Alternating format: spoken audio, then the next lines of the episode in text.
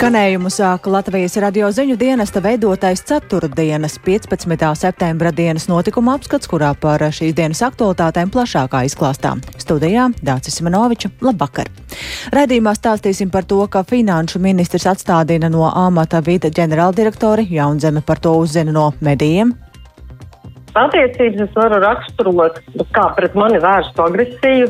Katru reizi, kad ir izdarīts kāds aizturējums vai kad es daru savu darbu, tā kā tas būtu jādara. Tas nav noslēpums, ka es ar Jaunzemes kundzes darbu neesmu bijis apmierināts jau ilgstošā laika posmā. Magoņa un Osinovska lietas tiesnesi Jansonu pēc paša vēlēšanās atbrīvo no amata.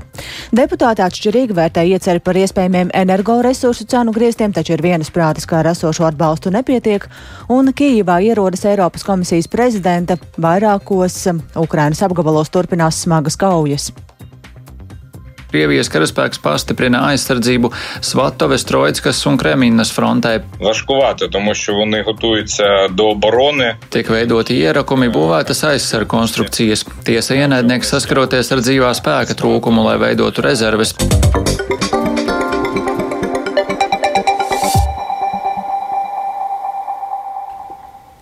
Finanšu ministrs Jānis Reirs no jaunās vienotības ierosinājis disciplināru lietu un atstādinājis no amata valsts ieņēmuma dienesta ģenerāldirektori Ievu Jaunzemi. Viņa uz atstādināšanas laika darba pienākumus nevar pildīt, lai netraucētu izmeklēšanas procesu. Pati bija vadītāja par to uzzināja no medijiem un par visu plašāk zina stāstīt Linda Zalāne.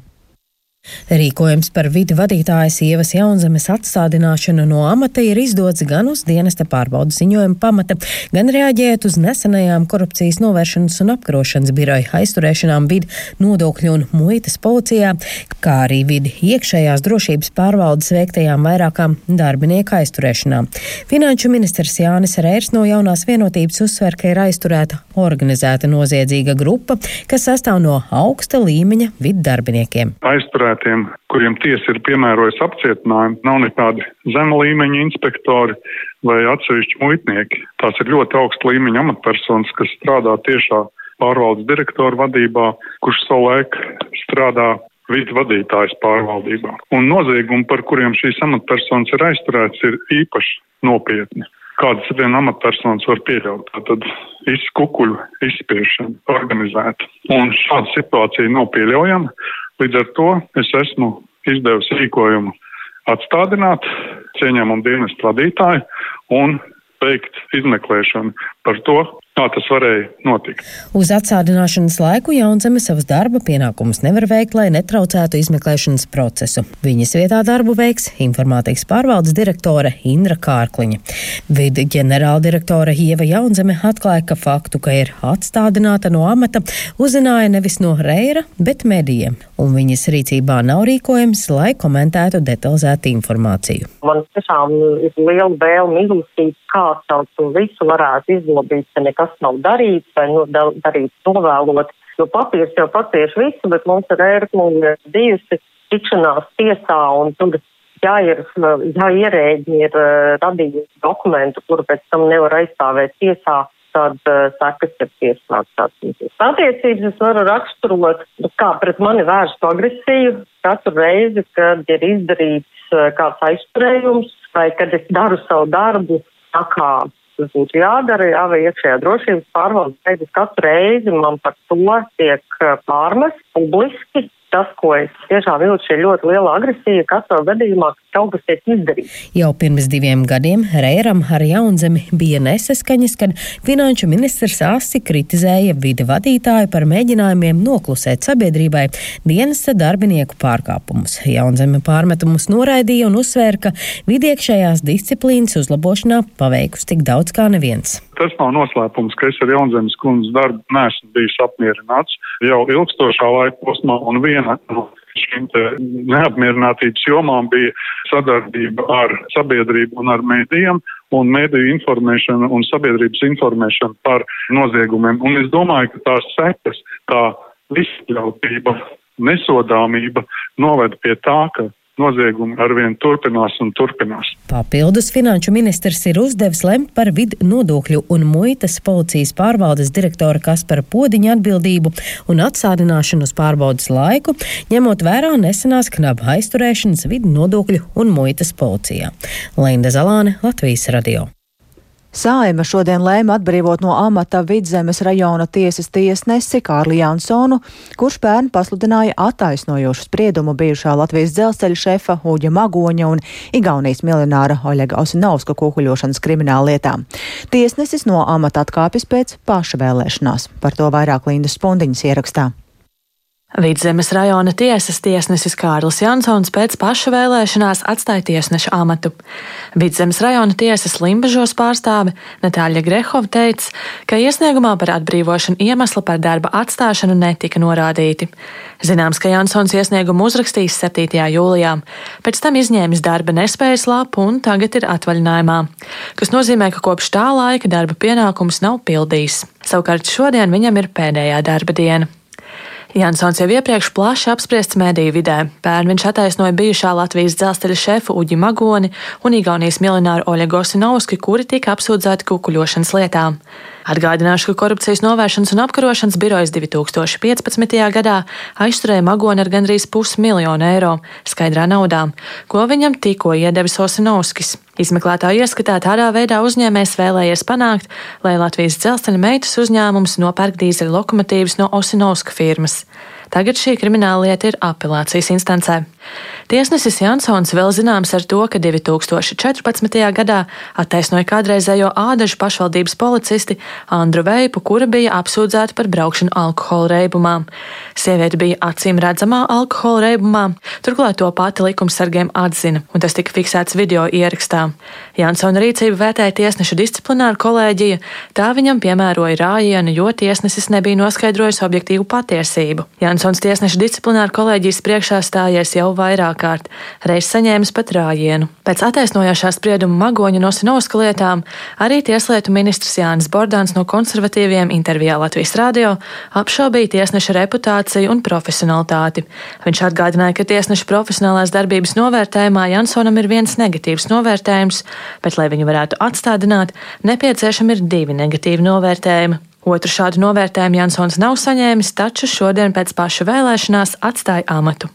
Linda Spundiņa, Latvijas radio.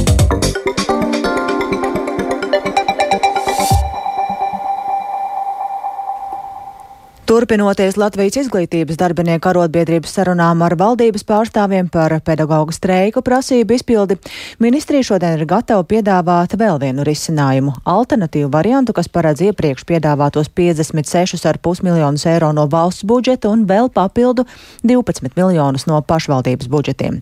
Turklāt finansējums neatiektos tikai uz vispārējās izglītības skolotājiem, kā bija plānots iepriekš, un līdz ar to nozares ministre aizvien cer, ka pedagoģu streika nebūs. Arotbiedrība vēl jauno piedāvājumu apspriedīs, taču ir paudusi jau nožēlu, ka valdība tikai tagad streika priekšvakarā ir sākusi sadzirdēt pedagogus. Kāds būs saruna iznākums un arotbiedrības lēmums, tam turpināsim sekot līdzi, bet tikmēr mēs skaidrojām, ko par notiekošo saka politikas vērotāji un iedzīvotāji. Un jāteic, ka Latvijas radio uzrunātie cilvēki streiku vērtē dažādi. Izskan gan viedoklis, ka tas ir vienīgais veids, kā aizstāvēt savas intereses, gan arī tas, ka nav īstais laiks šādām aktivitātēm, un tāpat arī iedzīvotāji atšķirīgi vērtē mainīgo nostāju no pilnīgas pārliecības par streiku līdz gatavībai tomēr vienoties, un ar cilvēkiem Rīgas ielās aprunājās Kristaps Feldmanis. Tagad nav īstais laiks to darīt, jo četri gadi bija, kur visus tos četrus gadus, un tagad tiešām, nu, nu, kad ir tādas, nu, vispār situācija mums gan pasaulē, gan Latvijā. Tagad, kad jaunā valdība būs, tad varbūt iesākt visu to. Bērndārza audzinātājiem tomēr jau sen vajadzēja palielināt tās algas. Visnotaļ piekrīt. Citādāk neviens jau neņem vairs galvā viņus. Konkrēti es zinu ar, ar mazajiem bērniem bērndārzā. Katastrofāla situācija. Nav audzinātāji. Es domāju, ka viņu vajadzēja tagad jau atcelt jo to naudu, kas ir izdalīta, jau varēja sadalīt. To, ko piedāvāja. Jā, jā kaut vai to. Vajadzēja jo... pieņemt un pārstrādāt. Jā, un sadalīt arī tātad, lai tiem citiem būtu. Protams, man tā liekas, pret izglītības reformu kā par tādu varētu būt iebildumi, jo man liekas, skolotājiem nav īsti skaidrs, kā strādā. Mēs jau tādi latvieši esam, ka mēs rāmi klusējam, jā, un varbūt reizēm arī vajag tomēr to balsi pacelt. Es domāju, ka ne. Savā laikā tur vēl varētu būt. Tagad, tur, tur jāizdomā jau iepriekš bija tā rīktīgi, nevis tagad pēkšņi. Es domāju, ka nav laika. Kādēļ? Pirmkārt, ir vēlēšanas, otrkārt, ir tik grūts stāvoklis, un visiem viņš ir grūts. Un katram ir jāpiecieš. Nu, tāds ir mans viedoklis. Vajadzētu pagaidīt, varbūt. Ja? Es domāju, ka vajadzēja gan pagaidīt. Nu, nu, es zinu, es arī skolotāji biju ir grūti ar bērniem strādāt. Es ļoti labi saprotu. Bet nu, mums visiem pašlaik ir drusciņi un drusciņi jāsaž vietas josts. Latvijas izglītības un zinātnes darbinieku arotbiedrības padomas lēmums par streiku nav pārsteidzošs, un tas varētu veicināt sarunas ar valdības pārstāvjiem par dāsnāku kompromisu. Tā vērtē politologs aģentūras mediju tilts vadītājs Filips Rajevskis, un viņš sagaida, ja streiks jaunadēļ tiešām būs, tas nebūs ilgs. Tas ir īstenībā likumsakarīgs uh, iznākums, jo pie šāda aktivitātes, kādu parāda arotbiedrība un tā atbalsta gan no arotbiedrības, gan no skolotāju saimnes, gan no sabiedrības, gan no mediju puses, tīri no politiskā procesa viedokļa, viņi īsti nevar pakļauties pirmajam uh, piedāvātajam kompromisam pat nerunājot par to piedāvājumu saturu, vienkārši tu nevari tā uz pirmo svilpienu pateikt, eh, ka nē, mēs nestreikosim, mums ar šo pietiek. Tomēr koalīcijas piedāvājums arotbiedrībai bija racionāls un konkrēts par slodzes un algas likums izlīdzināšanu pedagogiem vispārējā izglītībā un ar solījumiem mācību spēku problēmām citās pozīcijās pievērsties vēlāk, jo visam uzreiz naudas nav. Protams, politiķu solījumi, tīpaši, ja mēs runājam par tālajošiem solījumiem īsi pirms vēlēšanām, nu, tas nebūtu ļoti viedi tā teikt, vesties uz šiem solījumiem. Nu, te ir princips labāk zīle rokā, tas ir lēmums pieņemts, izdarīts pirms vēlēšanām, nekā tas, tas mednis kaut kad pēc kaut kādiem gadiem kokā. Un mēs labi zinām, kā tiek pildīt lēmumi. Šīs parlaments īpaši izcēlies, atcerieties par atalgojumu medicīnas darbiniekiem, kur pat tika pieņemts likuma līmenī, un tas netiek pildīts. Tāpēc es domāju, ka arotbiedrības reakcija ir diezgan adekvāta. Liela nozīme jau arī tam, ka šīs sarunas un paziņojumi ir pāris nedēļas pirms vēlēšanām? Es domāju, ka tas ļoti lielu lomu spēlē, protams, priekšvēlēšana laiks, bet tas arī uzliek arī zināmus riskus, ka arī šie lēmumi un darījumi, kas tiks noslēgti, viņi var tikt pārskatīti zem kaut kādiem politiski un finansiāliem apstākļiem, kas var iestāties pēc vēlēšanām kontekstā ar ekonomisko krīzi. Vienlaikus arotbiedrības vadītāja Inga Vanaga izteicās, ja ministrija piedāvās risinājumus par atalgojumu celšanu arī citu jomu pedagogiem, streiks varētu arī nenotikt. Tātad uh, publiskā spēle turpinās. Nē, tas ir normāli, tas ir pilnīgi pareizi, kā šī piebilde ir neizbēgama, jo nu, streiks jau ir līdzeklis, lai sarunas beigtos veiksmīgi. Nav jau streiks pašmērķis, nu, mēs streikosim un ar vienu nerunāsim. Interese ir ar streiku, kā ar spiedienu līdzekli panākt, lai valdība runā un sarunās piekrīt prasībām. Un tas ir loģiski, ka tas sarunas, es domāju, viņas turpināsies. Es nevaru iedomāties, ka valdība var atļauties nerunāt, piemēram, šobrīd ar arotbiedrību arotbiedrību situācijā, kad ir nu, pirmstreika laiks un streiks, piemēram, sākās 19. ka viņi tad pārstāja runāt. Nu, nē, viņi runās, un tas ir viņu pienākums runāt, lai panāktu to, lai streiks beidzās. Tas ir valdības uzdevums. Jācer, ka viņš būs īsāk termiņš. Nu, tas tomēr ir valdības primārais uzdevums, ir īpaši izglītības ministrijas nodrošināt, lai skolas strādā un skolēni gūst izglītību, nevis sēž mājās un skolātāji streiko.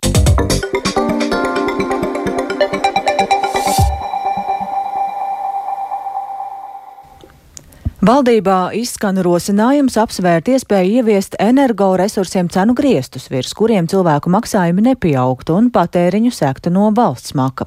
Tas būtu papildu atbalsts jau esošajiem. Latvijas radio aptaujātie saimas deputāti ir vienas prātis, kā ar esošajiem atbalsta pasākumiem energoresursu cenu sadārdzinājumu kompensēšanai varētu nebūt gana.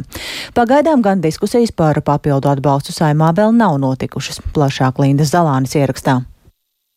Opozīcijas pārstāvis Viktors Valainis no Zaļo un Zemnieku savienības pauž, ka iecer ir likumsakrīga, jo saimā ir atbalstīts un topa lēmuma projekts par valsts atbalsta palielināšanu un energoresursu cenu griestu noteikšana, viņa prāta būtu loģisks solis, lai noteiktu fiksētu atbalstu. Iepriekšējā pakete, ko valdība izstrādāja un saima atbalstīja, bija 640 miljoni. Norādījām uz to, ka tā pakete būs par mazu. Mūsu ieskatā šādam risinājumam saimā būtu jānonāk pēc iespējas ātrāk. Skeptiskāks ir opozīcijas deputāts Jānis Urbanovičs no saskaņas paužot, ka cenu griestu noteikšanai vispirms nepieciešams veikt detalizētu aprēķinu. Nepatīk, kad ir vispārējais kaut kāds lēmums kuri visiem vienādi.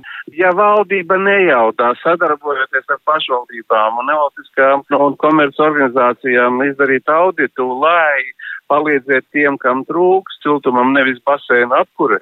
Ja nav, nu tad labāk tad visiem, nekā nevienam. Pozīcijas deputāts Krišānis Feldmanis no konservatīviem pauž, ka jau sākumā bija skaidrs, ka ar esošo atbalstu būs par maz un gatavošanās tam, ka būs nepieciešama papildus nauda, ir pareizs solis. Vai ir vēl resursi vai kāds neplānots pārpildus, ko var novirzīt atbalstam iedzīvotājiem, vai arī nu, šie naudas līdzekļi būs jāizņemas pamatoti apsvērt abas iespējas, jo šī zīme objektīvi būs nepieciešams mazināt šo šoku, ko mājasēmniecības piedzīvos. Pie frakcijām nepiedarošais deputāts Finanšu ministrijas parlamentārais sekretārs Atis Zakatistovs, kurš uz 14. saimas vēlēšanām startē no jaunās vienotības, teica, ka cenu griestu jautājums ir Eiropas kopējā nostāja. Finanšu ministrija pārskatījusi esošā budžeta izdevumus un tajā ietaupīti vairāk nekā 100 miljoni eiro.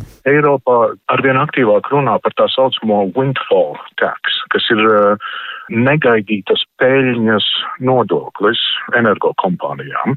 Un es domāju, arī mēs Latvijā nebūsim pirmie vai unikāli, kas to darīs. Ja citur Eiropā tas tiks darīts, tad tas tiks darīts arī pie mums. Vēl viens no avotiem šāda atbalsta finansēšanai varētu būt valsts parāda palielināšana. Pat labi valsts ārējais parāds ir samazinājies līdz 43% no iekšzemes koprodukta, un tas dod iespēju valdībai aizņemties. Linda Zalāne, Latvijas radio. Tikmēr Latvijas bankas ekonomists Oļeks Krasnopjorovs teica, ka energoresursu cenu griesti, virs kuriem valsts pilnībā kompensētu sadārdzinājumu, tomēr nav labs atbalsta instruments. Viņa prāt galvenais akcents liekams uz enerģijas taupīšanu.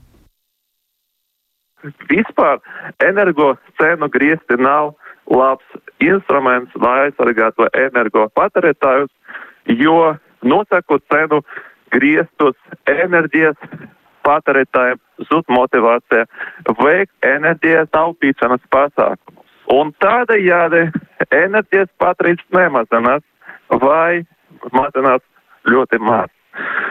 Un ņemot vērā, ka enerģiju lielā mērā mēs importējam, tas nozīmē, ka lielāku naudas summu izmaksājam ārā no valsts energoresursu piegādātājiem.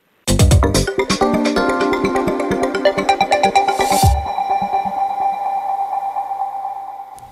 Katra valsts Eiropā jūtas tā, it kā tā enerģētiskajā krīzē būtu viena. Tomēr tas tā nav, un visas valstis šobrīd ir vienādā situācijā ar vienādiem risinājumiem vienai un tai pašai problēmai. Tā darba vizītē Rīgā šodien norādīja Lietuvas ārlietu ministrs Gabrieļus Landsbergis. Kopīgā preses konferencē ar Latvijas ārlietu ministru Edgaru Rinkēviču viņš sacīja, ka Latvijā un Lietuvā piedāvātie risinājumi cīņā ar enerģētisko krīzi ir ļoti līdzīgi.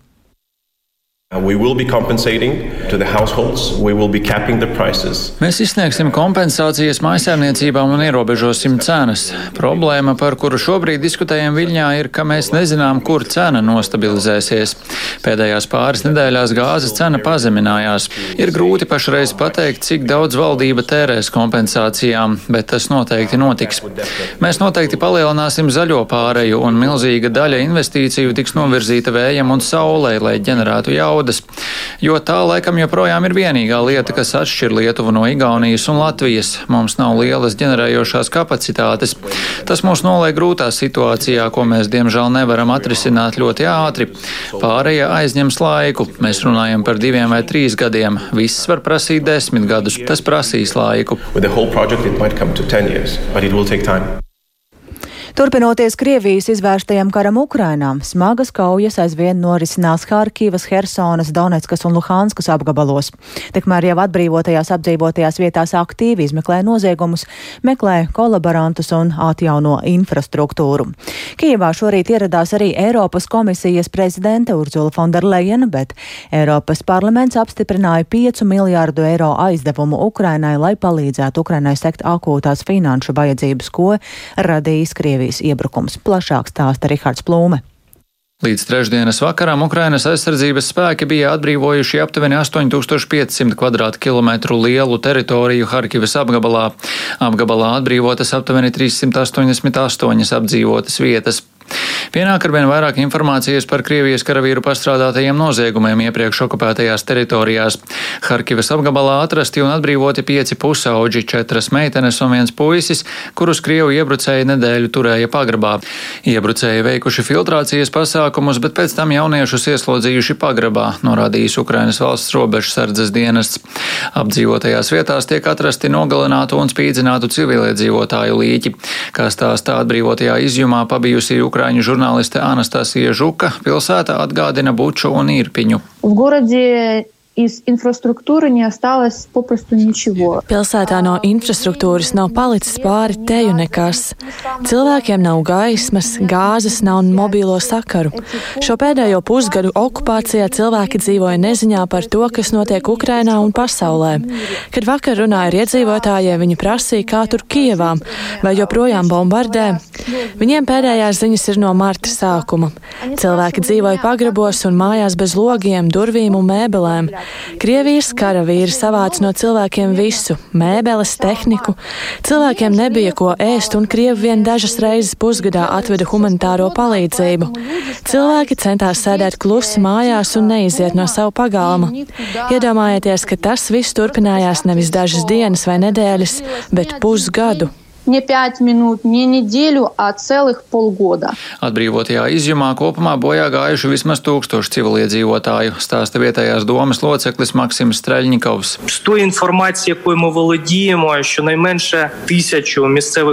Saskaņā ar informāciju, kas ir mūsu rīcībā, šajā karā tika nogalināti vismaz tūkstots vietējo, bet diemžēl bija vēl vairāk mirušo, jo nebija iespējas saņemt medicīnisko aprūpi. Martā Krievu iebrucēji iznīcināja visas izjumā esošās medicīnas iestādes. Atgūtās teritorijas Ukrainai tagad ir gan jānotur, gan arī jānodrošina civiliedzīvotāji ar dzīvošanai piemērotiem apstākļiem, tostarp jāatjauno infrastruktūra. Nepieciešams arī pārliecināties par atkaroto vietu drošību, tostarp tās atmīnējot. Ukrainas drošības amatpersonas arī aktīvi meklē tos, kas varētu būt sadarbojušies vai vēl sadarbojas ar Krieviju. Vairāki cilvēki Harkivas apgabalā jau aizturēti. Luhanskas apgabala kara administrācijas vadītājs Serhijas Haidais norādījis, ka Krievijas karaspēks pastiprina aizsardzību Svatoves, Troickas un Kreminas frontē. Важкувати, тому що вони готуються до оборони. Вже не буде такого фактору. Tiek veidoti ierakumi, būvētas aizsargu konstrukcijas. Tiesa ienaidnieks saskaroties ar dzīvā spēka trūkumu, lai veidotu rezerves. Haidais uzsveris, ka Luhanskas apgabalā nebūs tāda pārsteiguma momenta kā Harkivas apgabalā. Tikmēr Kijevā šorīt ieradās Eiropas komisijas prezidente Urzula Fonderleina. Šī bija jau trešā Leinas vizīte Kijevā kopš 24. februāra. Eiropas komisijas prezidente ar Ukrainas prezidentu Voldemiru Zelenski pārunāja Ukrainas integrāciju Eiropas Savienības vienotajā tirgū. Savukārt jauna aptauja liecina, ka to Ukrainas pilsoņu skaits, kuri atbalsta piekāpšanos karā par labu Krievijai, ir samazinājies līdz rekordzemam līmenim - 8%. Tikmēr 87% aptaujāto uzskata, ka nekāda teritoriāla piekāpšanās nav pieņemama. Sociologi izceļ austrumos dzīvojošo Ukraiņu viedokli. Šo iedzīvotāju vidū tagad ir samazinājies to cilvēku skaits, kas atbalsta piekāpšanos par labu Krievijai. Rihards Plūme, Latvijas radio. Ar to izskan dienas notikumu apskats. Producents Viktors Pupiks ierakstus montēja Renārs Steimanis par labskaņu rūpējās Mārtiņš Paeglis un ar jums sarunājās Dācis Simenoviča. Vēl īsi par svarīgāko finanšu ministrs atstādina no amata vidi ģenerāldirektori, Jaunzeme par to uzzina no medijiem. Ministrijas streiku sarunās skolotājiem piedāvā vēl 12 miljonus no pašvaldību budžetiem. Magoņu un Osinausku lietas tiesnesi Jansonu pēc paša vēlēšanās atbrīvo no amata. Un Kijivā ierodas Eiropas komisijas prezidente savukārt vairākos Ukrainas apgabalos turpinās smagas kaujas. Mūsu ziņām var sekot līdzi arī Latvijas radio viens Facebook lapā, tāpat arī sabiedrisko mediju ziņu portālā LSMLV un raidījuma atkārtojums ir meklējams arī raidierakstu platformā kā dienas ziņas, pieejama arī Latvijas radio mobilā lietotne.